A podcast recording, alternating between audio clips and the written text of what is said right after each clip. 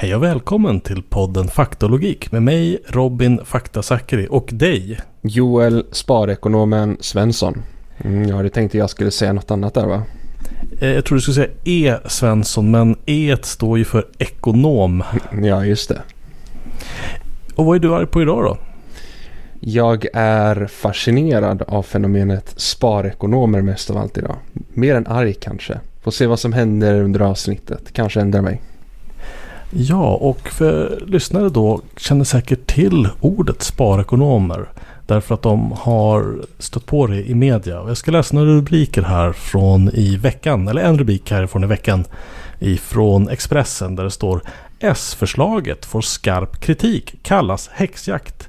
Och så citat, slår inte mot miljonärer utan vanliga människor. Och då är då en så kallad sparekonom från eh, företaget Nordnet som har uttalat sig då som expert. Mm, oberoende sparekonomen från den oberoende institutionen Nordnet. Precis, och här har vi en annan rubrik från Dagens Industri. Sparekonomen. Så sparar du dig till ekonomiskt oberoende. Japp, det är väldigt Mm. lätt för en vanlig person att spara sig till eh, vad var, ekonomiskt oberoende. Vad det ens betyder. De som kan spara sig själv till ekonomiskt oberoende behöver oftast inte göra det. är väl en tumregel. Det brukar vara så. Eh, nästa rubrik, och det här är också det här är från SvD. Han sparar halva lönen, kolon, ekonomiskt oberoende. Och då är det intervju med eh, Avanzas eh, nya sparekonom. Eh, några rubriker till. Sparekonom, inte imponerad av storbankerna eh, i privata affärer. Eh, sen så har vi MSN, sparekonom, olyckligt att S inte ger några detaljer. Och ja, så kan vi egentligen fortsätta genom det här Den här eh, avsnittet. sparekonomen som gnällde på storbanker, jobbar, jobbar den själv på en storbank? Eh, nej, men det finns exempel på sparekonomer som har jobbat på en liten bank och sen gått till en stor bank och fortfarande är sparekonomer och helt plötsligt Mhm, ger okej. helt olika råd. Det är som att den här termen inte betyder någonting. Och jag vill bara liksom säga att det här, det, det här begreppet har blivit så vanligt så att det känns som att det här är något naturligt som, som finns som liksom är vedertaget. Men den första gången jag kan hitta det här begreppet användas i alla fall på Google eh, är 2014. Så det är ett begrepp som kanske inte har funnits så himla länge men som har liksom tjatats in i media så väldigt mycket. Och eh, redan 2000, 2020 då i höstas så lyfte eh, medierna i Sveriges Radio eh, upp det här begreppet och hur det har liksom spridits. Och då intervjuar de ett företag som heter Småspararguiden.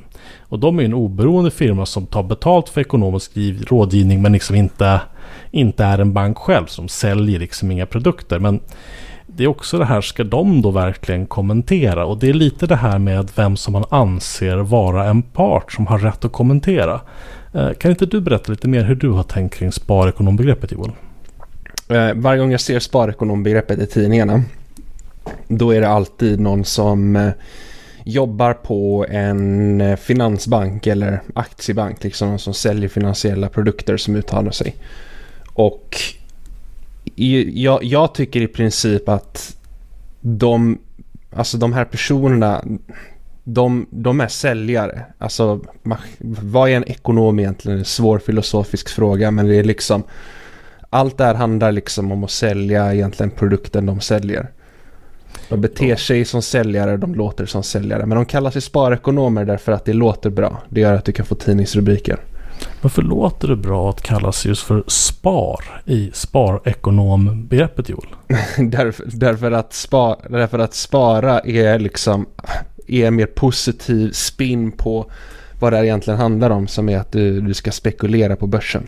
Du ska köpa mer finansiella tillgångar och om du har sparning som inramning då, då får man det att låta liksom mer långsiktigt ansvarstagande. Men det finns ingenting med det här som liksom gör att det måste handla om att liksom någon slags långsiktighet ens. Även om man kan kritisera bara liksom själva faktumet att det kanske inte är så bra att liksom lägga sin, alla sina pengar på finansiella tillgångar. Det är liksom inte ens en garanti att något av det här sker långsiktigt på ett sparande vis.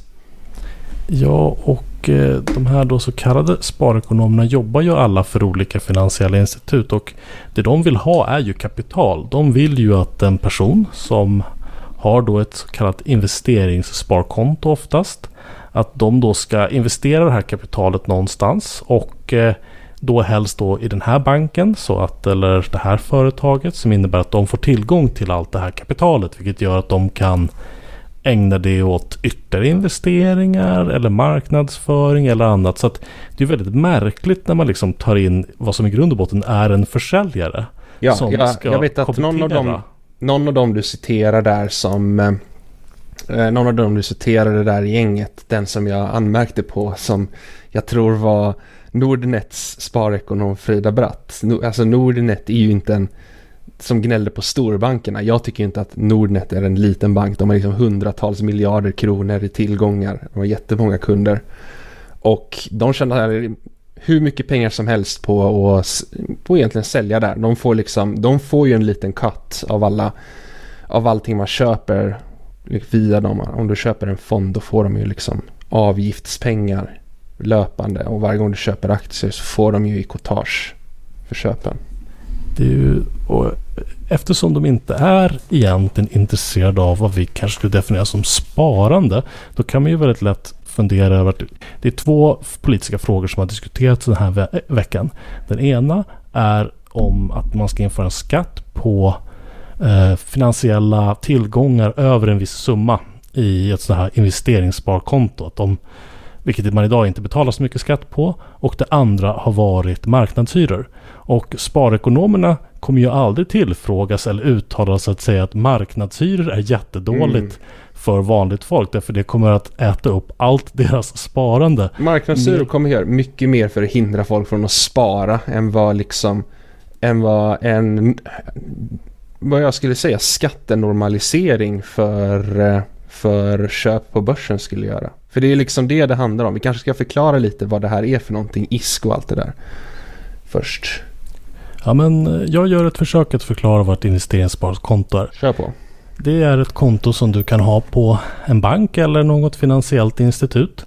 Där du lägger liksom dina tillgångar och säger mina tillgångar som jag har i kanske fonder eller värdepapper eller vad det nu kan vara.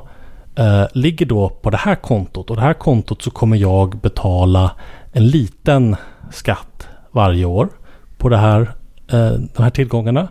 Och eh, sen när jag säljer dem så behöver inte jag betala 30% i beskattning vilket är Precis. i vanliga fall på vinsten. På det, är det, normala, det är det normala i Sverige att när du gör vinst på någonting då betalar du 30% skatt på vinsten. Gör du förlust då, då betalar du ingen skatt. Och det har varit så jättelänge tills ISK som har ändrat lite på hur saker och ting fungerar på den biten.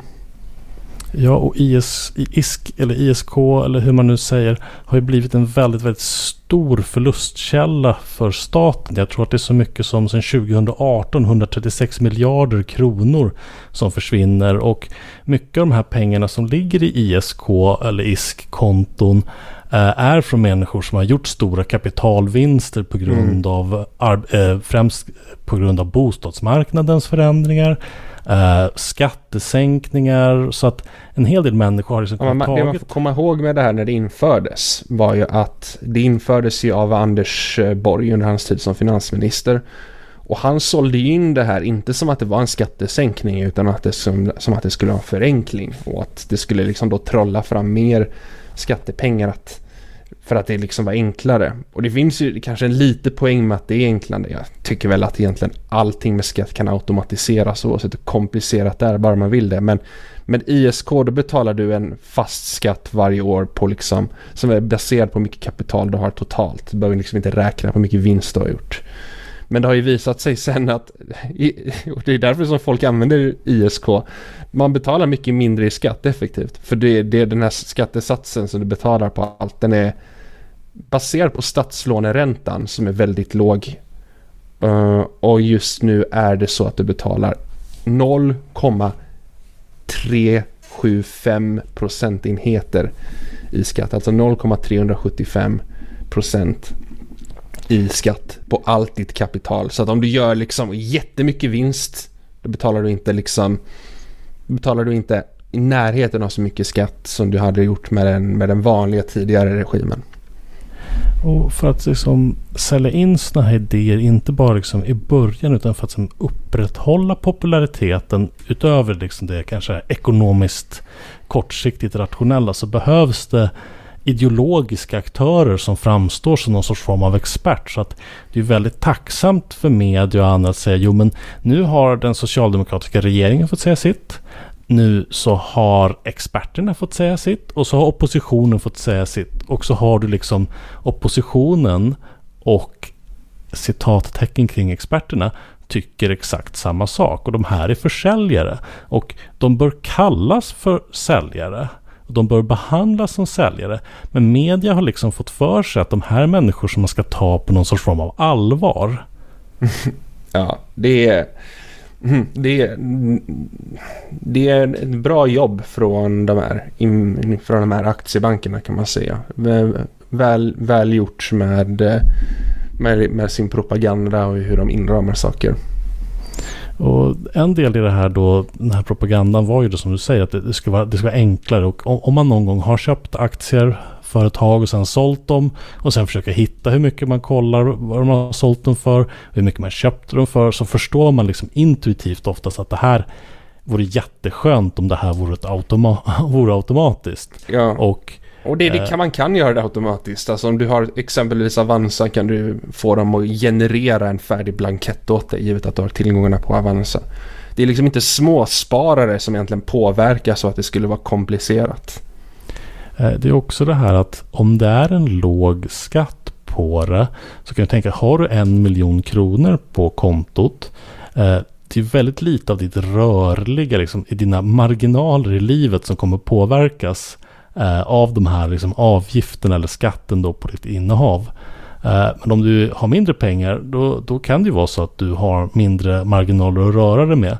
Så att det är mer rättvist att liksom vinsten tas, eller så här, skatten tas ut vid försäljningstillfället snarare än löpande och att ha det här kortsiktiga, korta Liksom, eh, det blir väldigt bekvämt att spara kortsiktigt. Eh, och ja, nej, precis. Alltså, i och med att man betalar skatt årligen och att den skatten är väldigt låg så gynnar ISK de som vill göra väldigt kortsiktiga investeringar. Om du liksom gör väldigt mycket vinst kort då betalar du, alltså du, du kan betala du kan betala liksom 30 gånger mindre skatt än vad du gjort med, med liksom den andra skattesatsen. Så man kan, man kan fortfarande köra på den andra skattesatsen men det är ju nästan ingen som gör det. Nej, det systemet är ju liksom riggat på så vis. Det är ju inte liksom någon privat moralisk avgörelse som ska avgöra hur man liksom... Nej men det, eh, det, det, det är klart. Det handlar inte om välgörenhet. Man väljer det som, det som är billigast och smidigast. Och när man läser de här artiklarna och ser tv-inslagen och hör på radio om de här sparekonomerna från olika företag. Det är ju inte bara de stora bankerna utan det är de stora finansinstituten som Avanza, som Nordnet. Men även pensionsbolag som SPP. Eh, det känns som att det sker en ganska kraftig inflation i, i titeln sparekonom. Ja. Det här är ju såklart inte någon titel som är skyddad som socionom eller Nej, alltså jag, jag är sparekonom. Jag är, jag är bokstavligen talat sparekonom. En oberoende sådan till skillnad från alla andra. Och alla de här beroende sparekonomerna då med stort, stora citattecken kring både spar och ekonom.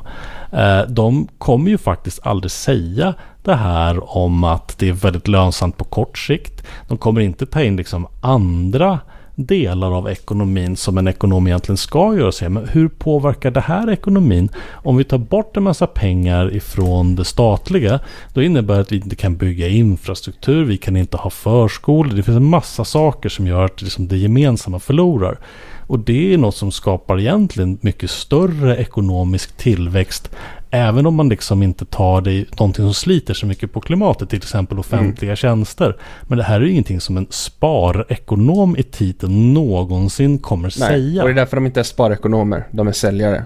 Om du hade varit liksom på riktigt en ekonom som sagt, då hade du brytt dig om det här. Då hade du brytt dig om vad kanske marknadshyror hade gjort med sparandet istället. Precis, för om du då blir drabbad av marknadshyror och får din hyra höjd med 50% det innebär att i princip eh, att en stor del av ditt, din disponibla inkomst eh, skulle gå till det här. Och när man lägger till då det här förslaget då om att hyror i nyproduktion ska i botten kunna höjas med eh, konsumentprisindex ökning. Uh, plus då eventuellt liksom det här, det finns ett kryphål om så här särskilda omständigheter eller vad det nu heter. Mm -hmm. Vilket mm. betyder att ja, det, det, det, hyresvärden kan egentligen bara hitta på uh, något skäl den ja, Om du tycker, om du, om du inte håller med dem måste du gå till domstol. Vi kan ju båda lista ut vem det gynnar.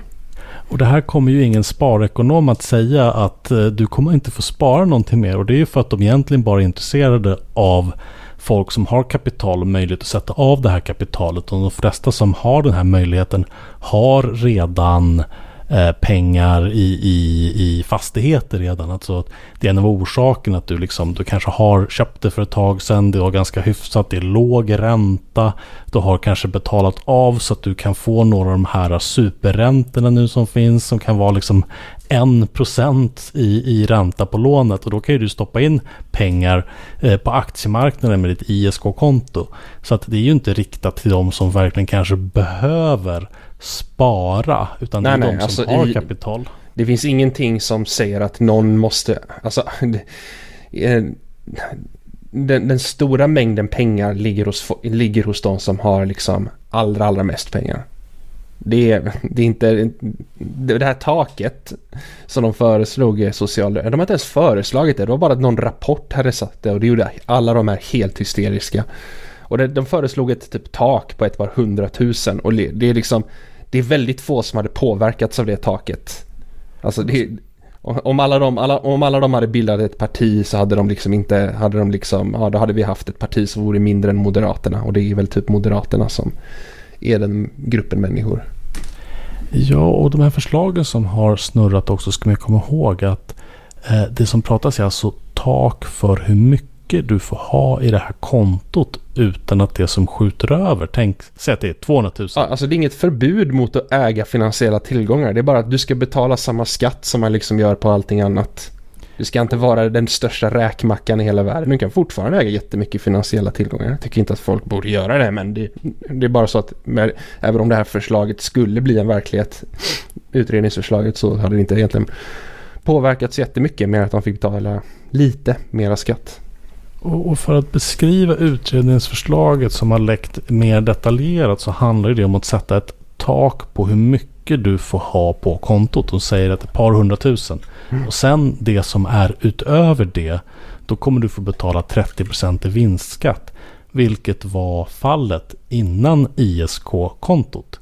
Det ja. finns en rad olika finansiella tillgångar också som man inte kan stoppa in i de här ISK-kontona som du betalar 30% på mm. som ja, nej, trams som kryptovalutor och annat. så det är ju bara att man har bestämt sig för att en viss typ av kapital på ett visst typ av konto ska liksom få ett skattefrälse. Uh, ja. Och därför så finns det liksom ingen orsak att ta de här sparekonomerna på allvar.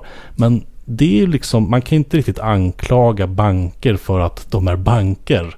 Nej, eh, nej, nej, liksom nej, absolut. Inbyggt. Det, det är, är media som är soporna här som inte fattar varför de existerar. Som inte gör sitt jobb. Det, det är ju väldigt lätt att göra ett reportage. Att man ringer till någon bank för du ja. kommer få antingen någonting positivt, alltså någonting som folk känner att jo men det här kan jag använda mig av. Alltså om mm. du har bara en makroekonom som kommer dit, den kommer ju säga ja men det kan vara så här, så kan det vara så här och så kan det vara så här. Och det är inte så, det är inte så konsumenttillvänt. Men om du hör av dig till en sparekonom då kommer du antingen få veta att det regeringen gör är skitdåligt mm. eller det, det regeringen gör är jättebra. Och du kanske kan få lite tips på att ja men det är bra att spara kanske 10% av din lön varje månad så att du bygger upp en buffert så att du har det vid oförutsedda utgifter och Sen om du ska spara under längre sikt, ja men då kanske det är en idé att sätta lite pengar på börsen. Men du ska inte sätta in några pengar där som du inte kan förlora. Och det är ungefär den grundläggande ekonomiska liksom, allmänbildningen som alla borde få lära sig i skolan och ta med sig där utefter. Men efter det så har ju de ingenting att erbjuda annat än sälj. Nej, och jag tycker att, jag, jag, jag tror att Alltså anledningen till att, för att varje, varje gång någon av, det, det, var, det var ju för några år sedan att man försökte röra ISK, liksom höj, inte ens avskaffa det, bara höja skatten jättelite. Det skulle fortfarande vara väldigt gynnat. Man skulle behöva höja skatten på ISK fem gånger för att det skulle liksom komma i närheten av att vara en rättvis regim. Uh, och då körde de ju också igång någon typ namninsamling och någon protest mot det organiserat.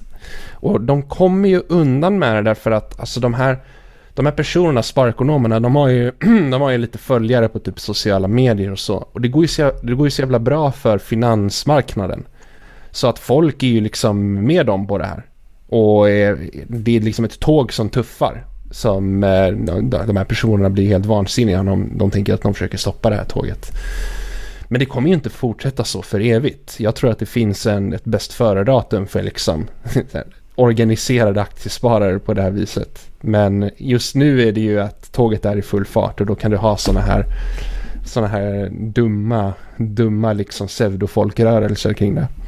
Ja, och finansmarknaden är ju liksom extremt eh, värderad nu. Det är efter vi har sett två finanskriser Folk förlorar jobben. Det är väldigt svårt att liksom jobba sig till pengar som är extremt ojämlikhet. Liksom de som är superrika har totalt kopplats ifrån det ekonomiska systemet och då blir ju liksom drömmen för många människor. Det, det, det, blir, det formuleras i, i begrepp som FIRE, som financially independent, ja, finansiellt oberoende. Vad det betyder är att du äger så mycket kapitaltillgångar att du inte behöver jobba någonting. Vi kan, och vi kan inte ha ett samhälle där vi har en, en grupp som gör det och sen så gör alla andra jobbet. Det är helt orimligt. Det är väldigt märkligt när man ska liksom ge råd för hur man ska liksom leva i samhället och då ska det vara så att alla, alla ska liksom leva på kapitaltillgångar. Ja, en, li, en, en, en, liten grupp människor, de ska bara göra, de ska inte göra ett skit för att de inom citattecken äger grejer, vilket är tydligen en giltig anledning till att liksom sitta och inte göra ett skit för samhället. Och alla de här, mycket av de här berättelserna, i princip alla, bygger oftast på att eh, när man läser lite längre ner, de här FIRE då, eh, koncepten är att jo men jag fick ett litet lån om x antal miljoner från min, min far eller... Ja, Trump sa väl jag fick ett litet lån på en miljon dollar eller något sånt, sa han inte det? Ja, och om du stöter på det här i media så läs artiklarna. För det, när man väl börjar liksom skumma i det så blir det nästan alltid att jo men någon släkting köpte en lägenhet så att nu har jag, nu borde, har jag bott gratis och då kan jag stoppa alla mina pengar på börsen och sen så blir jag finansiellt oberoende. Det är så här att ja, om, om rådet är var rik för att bli rik då, då är det liksom ingenting annat än liksom en renblåsning. Ja, och en riktig sparekonom hade ju inte tyckt att det vore vettigt att återigen ha en liten grupp människor som inte gör ett skit. Ja, och eftersom vi då, som jag sitter här med, med um, Sveriges enda oberoende sparekonom. Ja, jag tror jag, jag tror jag är den enda. Jag tror jag är den enda. Kan, kan vara... Kan, kan ha fel, men eh, det är en stor vildmark där ute. Och eh, finns det några ekonomiska råd du vill ge som påverkar folks plånböcker på riktigt eller berätta om dem? Ja, alltså gör allt du kan för att slå ner den här skiten som är marknadshyror. Den är väldigt, väldigt dålig för, eh, för riktiga småsparare. Om du är tvungen att betala för din fastighetsvärds sparande kan du inte betala för ditt eget. Ja, och eh, i och med att Eh, om man då släpper hyrorna helt lösa och obegränsade då kommer ju de äta upp alla löne, reallöneökningar också. Uh, och det får ju väldiga effekter på, på ekonomin i ett stort slag. Det är liksom, hmm, vad kommer alla de här vinsterna som de lever på när, i sina, hmm, i sina liksom börskonton, vad kommer de ifrån? Jo, det är sånt där de kommer ifrån. Och om man lägger till då hur ekonomin fungerar om, om väldigt mycket kapital samlas i väldigt få fickor. Eh, det är väldigt osäkert för att hålla igång någon sorts form av liksom fungerande konsumtion. Därför att om, om det slår till eh, slår till en kris, en ekonomisk kris, det har vi sett flera gånger. Ja, de rika människorna kommer ju inte sätta igång ekonomin. De stoppar sina pengar i olika fastigheter. Nej, de vill, de vill bli ekonomiskt oberoende och inte göra ett skit. Det är liksom poängen. Precis. Finns det någonting du avslutningsvis vill eh, berätta för folk som då Sveriges enda oberoende sparekonom? Jag, eh, utöver det jag sagt om marknadshyror eh, så mm, mm, klipp, bort, klipp bort där när jag funderar så att det inte blir någon det där. Det kommer det definitivt bli. Vi ska köra det här uh, ruft. Jag får gå på mediaträning. Om jag ska få medieklipp i Aftonbladet så får jag bli bättre än så här. Men alltså allting som har med allting, allting som har med att man eh, skär ner på samhället för att du ska liksom kunna aktiespara mer är egentligen, egentligen väldigt dåligt för småsparare. Det är mitt största råd som sparekonom. Det gör allting för att vi liksom ska ha en gemensam grund att stå på. Ja, det enda ekonomiska råd vi kommer ge till privatpersoner då förutom det här är att eh, Uh, investera uh, efter eget huvud. Uh, lyssna inte på de här sparekonomerna utan fundera istället över hur du kan bidra till en positiv samhällsförändring som faktiskt gör att samhället funkar bättre för alla. För allting handlar inte om att ha jättemånga siffror på ett konto hos några få rika personer. Det enda sättet som du kan, alltså det, det går, det, du kommer inte kunna klättra snabbare än de som liksom redan från början har mycket mer genom att bara anstränga dig. Liksom den ansträngning som det krävs, det kräver att du skär bort så många njutbara saker ur ditt liv att man borde fråga sig själv om det verkligen är värt det från början.